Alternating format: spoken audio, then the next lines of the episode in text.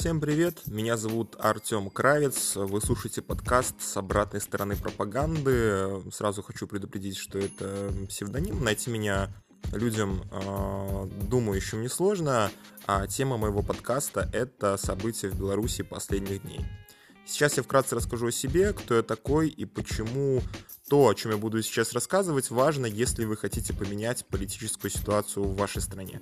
Этот подкаст будет актуальным не только для тех, кто э, непосредственно сейчас учится, живет и работает в Беларуси, но и также тем, кто находится в России.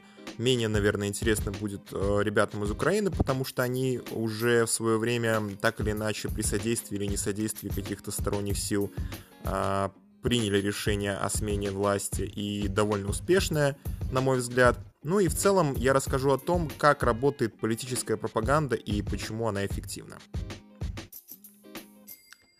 Коротко о том, как я попал в сферу э, пиара и политического, э, так скажем, продвижения. В свое время я начал работать э, в рекламном агентстве. Это было довольно давно, порядка трех лет назад, э, в сфере управления репутацией. Пиара, управление репутацией. Это такая услуга, которая популярна на московском рынке. А, была когда-то, может быть, популярна и сейчас, судя по зарплатам весьма, потому что я собеседовался с крупными компаниями в этой сфере а, в ноябре и декабре месяце. Наверное, это были одни из самых успешных моих встреч. Но так получилось, что я пытался развиваться и в параллельных направлениях. В частности, мне, как любому э, здравомыслящему человеку, который видит рынок, была интересна сфера IT. Туда я попытался попасть э, через бизнес-анализ, к сожалению, не все удалось. Так что, наверное, сейчас я могу считать себя действительно более-менее адекватным экспертом лишь в сфере интернет-репутации компаний, брендов, ну и, в частности, с недавнего времени политического пиара. А, для того, чтобы понять, э, как работает политический пиар, вам нужно и важно понимать, каким образом вообще государственный аппарат построен, да и любая государственная компания. Я имею для этого понимание каких-то вот вещей, связанных с социальным э, позиционированием э, государственных деятелей и бизнес-компаний. И должен сказать, что сейчас, когда я работаю на государственном белорусском телеканале и э, видел непосредственно всю работу э, компании и структуры ее изнутри, это действительно необычно, потому что э, с точки зрения моральной, несмотря на все то и весь тот ужас, который происходит сейчас в стране, когда людей хватает на улицах, когда тебя запихивают в автозак, когда ты можешь спокойно идти по улице, но в рамках протестной акции тебя подчастую сворачивают в трубочку и засовывают э, в неизвестном направлении, везут, там судят и предъявляют обвинения без спроса и, э, так скажем, предъявы, вы можете быть уверены, что это может коснуться также и меня, потому что у меня есть ну, реальные истории коллеги э, с телеканала, который э, говорил о том, что в свое время и какого-то из участников непосредственно государственных СМИ также спокойно туда засовывали везде и предъявляли обвинения просто случайно. А, система, она не знает каких-то границ э, и пределов. А, система, она однозначно руководствуется принципами общими, и система зачастую неразумна. То есть люди, которые работают в этой сфере, они достаточно умны, потому что долгое время там находятся и делают примерно одно и то же, но недостаточно умны, чтобы оказаться в сфере IT, бизнеса, зарабатывания денег. То есть это какой-то определенный умственный предел. Такой предел, к сожалению, имеется у меня я недостаточно умен для того, чтобы работать э, в структурными вещами, э, недостаточно умен, чтобы работать с вещами серьезными.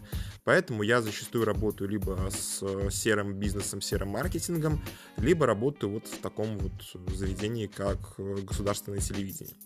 Недавно вышла статья на Village Беларусь от одного из работников информационного вещания, который писал, что не понимает, как свои коллеги, его коллеги, за 10 лет его работы он не понимает, почему они делают то, что не делают. И мне это показалось немного странным, наверное, оторванным, потому что действительно человек не, а, как он сам сказал, не работал с информационным вещанием э, специально из принципа, а работал только с развлекательным контентом. Так вот, я хочу немножко просветить э, спустя 4 месяца работы своей человека, который 10 лет там находится, что они абсолютно чувствуют себя спокойно. У них есть определенный моральный уровень и низкие, условно говоря, несмотря на профессионализм, точки отправления, когда ты считаешь, что какие-то вещи, которые происходят вокруг, тебя не касаются. А, ты считаешь, что твоя зарплата это максимальная в данный момент, ты считаешь, что а, дальше ты никуда не уйдешь, возможно, даже справедливо это считаешь, ты не готов изменить себя в силу каких-то обстоятельств. Там есть люди, у которых есть дети, есть люди, которые зависят от какого-то образа жизни, то есть телевидение это такое место, где ты приходишь, э, отрабатываешь смену, уходишь.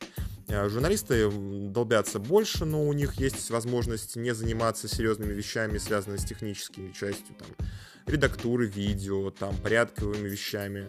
У всех есть определенная роль. То есть телевидение это такая грам, ну, большая грамотная машина. А, более того, эта машина коммерческая, несмотря на то, что мы находимся под колпаком а, государства и полностью контролируются все материалы, выходящие в эфир, а, и там буквально там несколькими лицами, которые находятся в рамках телеканалов, то есть они приезжают на какие-то специальные съезды, совещания, проводят сообщения с редакторами. А, у всех на телевидении есть определенная роль, поэтому монтажер монтирует, э, редактор пишет текст, э, записывает, а, управляющий как бы каналом регулирует э, то, что выходит в эфир. А, зачастую люди, которые там находятся, ужасно боятся и переживают за то, что происходит в реальности. В частности, в белорусском телевидении просто, ну, бывают вопиющие вещи, когда рядом, например, а, кто-то отсматривает материал из вышестоящих, и в это время нельзя сидеть там, ни в телефоне, ни э, смотреть, там, условно говоря, какие-то вещи, связанные там на сторонних сайтах своими своими интересами, а возможности-то имеются, потому что эта работа на самом деле а, спустя три месяца бесконечного ада превращается в такую, ну, бытовуху, так скажем, потому что у всех есть своя роль, и все понимают, что нужно делать, то есть ты просто приходишь, отсиживаешь там свое время, а большую часть времени, конечно, работаешь, но эта работа не напрягает твой мозг абсолютно, потому что это все об одном и том же, стилистика одна и та же, а, поэтому наша пропаганда, ну, пропаганда, она выполняет достаточно полезную для общества функцию, она бесит людей. Ни один думающий, я думаю, даже и слабо думающий человек, который смотрит телевидение и слышит все эти перлы, которые периодически появляются в, ну, в каких-то пабликах, а чай с малиновым вареньем или э, те вещи, которые постятся в других там сторонних, условно говоря, медиаизданиях типа Белсата, э, Радио Свободы, они ну, не, не могут не понимать того факта, что это все абсолютная блажь. То есть это видение одного единственного политического деятеля, у которого есть усы и 26 лет опыта. Плюс ко всему есть менталитет воспитания, нас с детства учили не высовываться. Там вот вырастешь, там, да, появятся у тебя проблемы после 18 лет, ну, выйдешь на площадь. А ты вырастаешь и находишься в каком-то бесконечном а, кругу занятости, а, успеха, коммерции, потом тебе еще навешивают сверху, согласно менталитету, детей, а, потом еще построить дом. Ну, в общем, ты в каком-то бесконечном круге крутишься, и вот тебе сороковник, ты ничего не достиг, ты находишься в своей стране в ограниченном кругу интересов. Поэтому э, и суть большинства выбора, который у нас есть, или его отсутствие, вернее, в том, что ты привыкаешь к определенной модели жизни. И эта модель жизни, на самом деле, она не совсем успешна. Ведь большинство людей, а, которые сейчас находятся в нашей стране, они привыкли к тому, что ну, можно купить дешевое пиво, съесть вкусную котлету и завалиться спать а, на какое-то время, там часика на 4, кто как занимается, кто как работает. Все остальное время ты можешь, в принципе, вести свободный, вольный образ жизни, Э, успешно спиваться, потому что зарплата 200 долларов не позволяет тебе выйти куда-то дальше и увидеть мир. К счастью, я перешел этот момент, и я пришел сейчас на телевидение с таким здоровым, интересным скепсисом, потому что я долгое время проработал в сфере рекламы, какое-то время был еще и на производственных там отделениях, да, как бы и ручками поработал, и силовыми вещами там, и посмотрел, как работает схема дорожного строительства, проектирования, архитектуры, вообще все сферы, которые мог, оббежал и пришел к выводу, что вот, ну, мне лично не хватает какой-то ниши, да, отрасли, в которой я могу быть успешным и применять свой талант. А, блогерство мне как-то не задалось, потому что я человек ленивый, у меня нет понимания регулярности. А, с какими-то структурными вещами тоже, потому что нет усердия. Ну вот, есть какое-то понимание маркетинга, пиара, там такая все же свободная сфера, а многим не хватает вольного измышления. Так вот, чем мне понравилось телевидение. Телевидение, оно структурно встраивает какие-то вещи и помогает человеку, который запутался, определиться с гранями. Так и работает, в принципе, вся пропаганда в нашей стране. Так вот, если посмотреть на это все, то э, многие вещи становятся понятными. В частности, почему сейчас э, люди, которые находятся у руля, не видят того, что происходит на самом деле. И не понимают того, что происходит на самом деле. Ведь если посмотреть на э, курс и вообще ситуацию в целом, то можно увидеть со стороны, находясь, вот я сейчас работаю непосредственно на месте и вижу ситуацию в целом, э, как политические деятели реагируют на происходящие события в стране. Так вот, они крайне взволнованы, но твердо уверены, что тот запас силовых структур, который у них есть, не позволит происходящему перейти определенную границу. А политические медиа, которые находятся, не дадут обществу, которое старше 50, а, увидеть те проблемы, которые происходят. Но в чем есть ситуативная как бы, так скажем, обманкой в этом году. Во-первых, это события, которые стали катализатором проблем. Это внешнеэкономические события, связанные с вирусом. Даже если внутри страна остается открытой э, и остается спорный вопрос на тему того, э, нужно было ли вводить карантин или нет, вероятно, все-таки нужно, потому что, э, к сожалению, большому коснулся эта проблема и моей семьи, в части очень близкого родственника. Я могу сказать, что, конечно, немножко, мягко говоря, обидно, когда Э, люди в твоей семье не могут э, остановиться и перестать работать, как и вся страна в целом, и просто откровенно подвергают себя риску. Финансовому риску это ладно еще, а вот жизненному риску это уже проблема. Второе — это закрытые границы. В текущей ситуации, как бы, ну, раньше было выражение «не нравится — уезжай». Э, в Беларуси сейчас, по сути, никуда выехать нельзя. То есть ты э, либо меняешь свою страну, либо остаешься в жопе. Естественно, люди готовы на все, потому что терять уже нечего. Ну, типа, куда уедешь? Вариантов-то не особо. В Турцию, в чартер на две недели только, а э, в Азербайджан и Грузию, ну, как-то тоже не прикольно. Там, в принципе, экономическая ситуация плюс-минус похожая. Вот, поэтому это второй катализатор. Ну и третий катализатор это, конечно, а, тот факт, что в какой-то момент отсутствовать стало внешнеполитическое влияние. То есть экономика, а, ее судьба всем в целом очевидна, и отсутствие какого-либо политического, экономического курса стало очевидно также и остальным.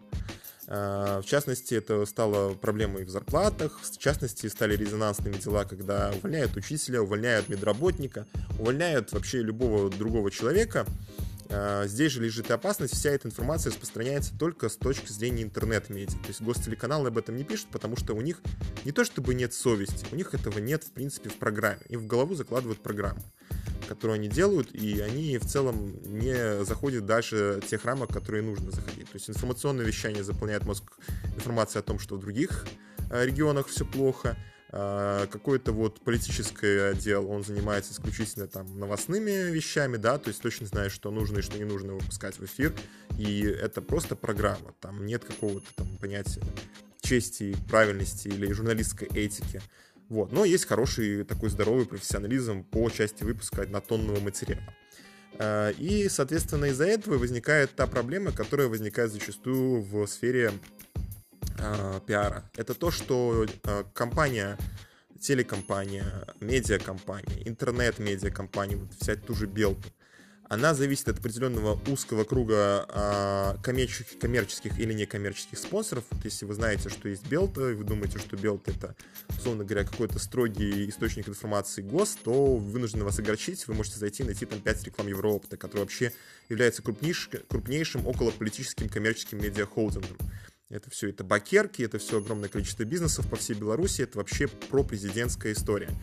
А, поэтому, если вы начинаете затрагивать эти ниточки, начинаете тянуть и посмотрите поближе на всю эту ситуацию, да, там как бы в сфере строительства, там данных холдинг, недвижимость, да, в сфере э, промышленности такие-то ЗАО. И все это ЗАО, ЗАО, это вроде бы коммерческие структуры, но они находятся под колпаком и взаимозависимы друг от друга. Плюс еще добавьте силовые органы, плюс еще органы контроля и экономического контроля, в том числе, как вот сейчас произошло с Белгазпромбанком, когда полностью э, в целом довольно среднем успешности банки ввели абсолютно новую структуру инвесторов, и получается, что с точки зрения инвестиций э, в рейтинге Doing Business, наверное, в текущем году мы рекордно провалимся, потому что э, в нашей стране могут отобрать все и у всех. То есть защищенности бизнеса нет никакой, защищенности гражданина нет никакой. И все это приводит к тому, что политическая пропаганда на текущий момент, она бессильна перед этими событиями. Она не может в целом оказать какое-либо влияние на них. А чтобы понимать, почему это влияние машины системы сильное, я вам расскажу еще один пример из своей жизни. Порядка года я находился в службах вооруженных сил. И за это время я первую половину службы проявился как человек, вторую половину службы э, меня немножко доломали, и я проявился как говно. Так вот, вот эта вот тонкая дрань между человеком и говном, она всегда очевидна. Э, особенно если ты находишься в сфере, где э, тебе ежедневно, ежесекундно вбивают голову, э, что ты находишься в одном единственном стаде. И когда я вижу кучу людей на улицах и вижу то, что происходит сейчас, у меня единственная мысль это мало. Мало людей на улицах, их намного больше. Uh, можно, конечно, сказать, что кто-то опасается болезней и проблем, но я вам скажу честно, это неправда. Скорее всего, uh, мы просто сцикуны по своей натуре. То есть мы боимся проголосовать за что-то. Я даже по себе знаю это. И второй момент, мы очень зависим от общества. То есть людей, которые в обществе скажут «нет», их крайне мало. Во всяком случае, вот во время моей службы, когда возникали проблемные ситуации, обвинения и ну, какие-то вещи совершенно несуразные и несоотносимые с реальностью, а, первая реакция, которая была у большинства из моих а, служивцев, это уровень толпы. А, сказать что-то или промолчать всегда идет в сторону промолчать. Когда решается серьезная проблема, зависящая от всех, все будут дудеть и бухтеть себе в ухо, говорить, что все плохо, но никто не выскажется за. Uh, уровень социальной иерархии, как был в дедовщине, там так и остается. То есть это и в жизни белорусов то же самое происходит. Uh, никто не лезет дальше, никто не хочет думать дальше, хотя все люди, с которыми я находился в этом закрытом обществе, это все люди очень умные, uh, в своей сфере довольно прогрессивные, может быть, Э, не настолько интеллектуально умеющие выражаться, но весьма и весьма полезные для общества. То есть я могу с трудом пересчитать по пальцам людей, которые абсолютно ничего не умели. У всех был какой-то определенный талант. Поэтому и возникают такие структуры государственного образца, силового образца, которые стягивают людей, которые либо не могут определиться, либо не могут ничего принести обществу помимо непосредственно какого-то вот участия силового. А, соответственно, образуются и такие вещи, как пропаганда, соответственно, появляются такие институты неправильной журналистики, а, потому что а, журналистика не может существовать без э, какого-либо тоже коммерческого инвестора. Ну, социальная журналистика — это вот очень редкие примеры. У меня был случай тоже такой социальный проект, примерно три месяца назад, регионального издания, которое просто выживает, ну, в буквальном смысле. То есть люди, которые занимаются социальной региональной журналистикой, они просто выживают, они не получают за это денег. И отсюда и возникает реакция общества, и становится понятно, что э, э, возникающий институт э, власти и управления информацией, он взаимосвязан. То есть нет этого разделения. И в этом и есть проблема. Поэтому э, текущая ситуация и высказывания большинства людей э, с точки зрения политической пропаганды абсолютно незаметны и похожи ну, абсолютно одинаково на предыдущие случаи, которые были 4 года назад, 8 лет назад, сколько там раз менялась власть, столько они и были. По этой причине я и хочу сегодня рассказать, и, собственно, рассказал вам историю, структуру жизни обычного белоруса.